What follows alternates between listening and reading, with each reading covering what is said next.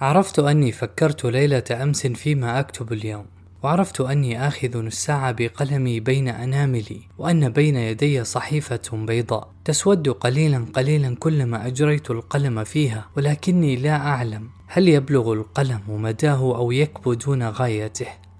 وهل أستطيع أن أتمم رسالتي هذه؟ أو يعترض عارض من عوارض الدهر في سبيلها؟ لأني لا أعرف. لا أعرف من شؤون الغد شيئا ولأن المستقبل بيد الله. عرفت أني لبست أثوابي في الصباح وأنها لا تزال فوق جسمي حتى الآن ولكني لا أعلم هل أخلعها بيدي أو تخلعها يد الغاسل. الغد شبح مبهم يتراءى للناظر من مكان بعيد فربما كان ملكا رحيما وربما كان شيطانا رجيما بل ربما كان سحابة سوداء إذا هبت عليها ريح باردة حللت أجزاءها وفرقت ذراتها فأصبحت كأنما هي عدم من الأعدام التي لم يسبقها وجود.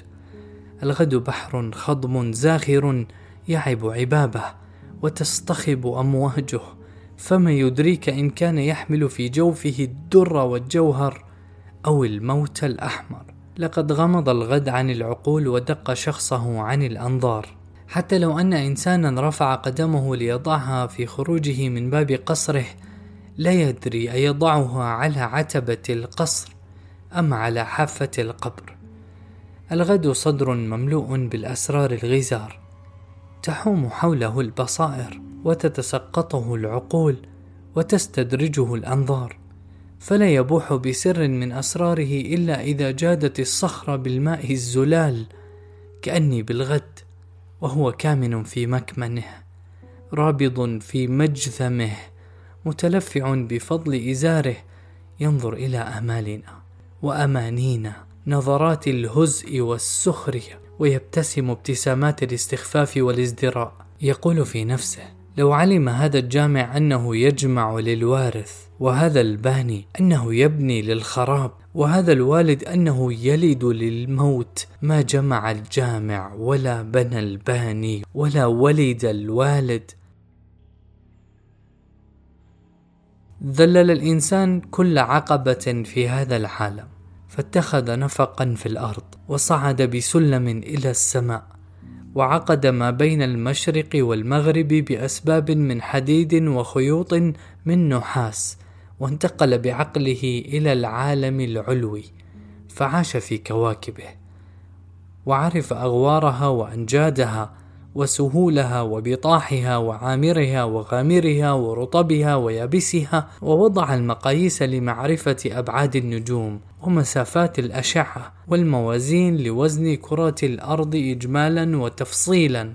وغاص في البحار فعرف أعماقها وفحص تربتها وأزعج سكانها ونبش دفائنها وسلبها كنوزها وغلبها على لآلئها وجواهرها ونفذ من بين الأحجار والآكام إلى القرون الخالية. فرأى أصحابها وعرف كيف يعيشون وأين يسكنون وماذا يأكلون ويشربون وتسرب من منافذ الحواس الظاهرة إلى الحواس الباطنة. فعرف النفوس وطبائعها والعقول ومذاهبها والمدارك ومراكزها حتى كاد يسمع حديث النفس ودبيب المنى واخترق بذكائه كل حجاب وفتح كل باب ولكنه سقط أمام باب الغد عاجزا مقهورا لا يجرؤ على فتحه بل لا يجسر على قرعه لأنه باب الله والله لا يطلع على غيبه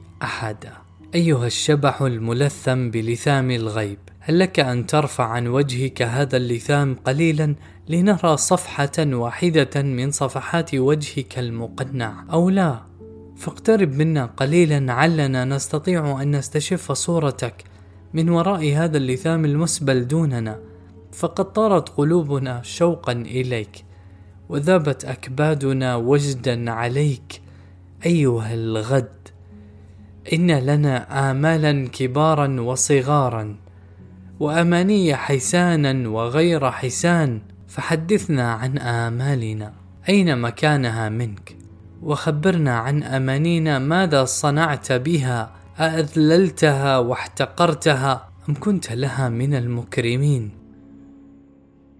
لا لا صن سرك في صدرك وابق لثامك على وجهك ولا تحدثنا حديثا واحدا عن آمالنا وأمانينا حتى لا تفجعنا فيها فتفجعنا في أرواحنا ونفوسنا فإنما نحن أحياء بالآمال. وإن كانت باطلة وسعداء بالأماني وإن كانت كاذبة. وليست حياة المرء إلا أماني إذا هي ضاعت فالحياة على الأثر.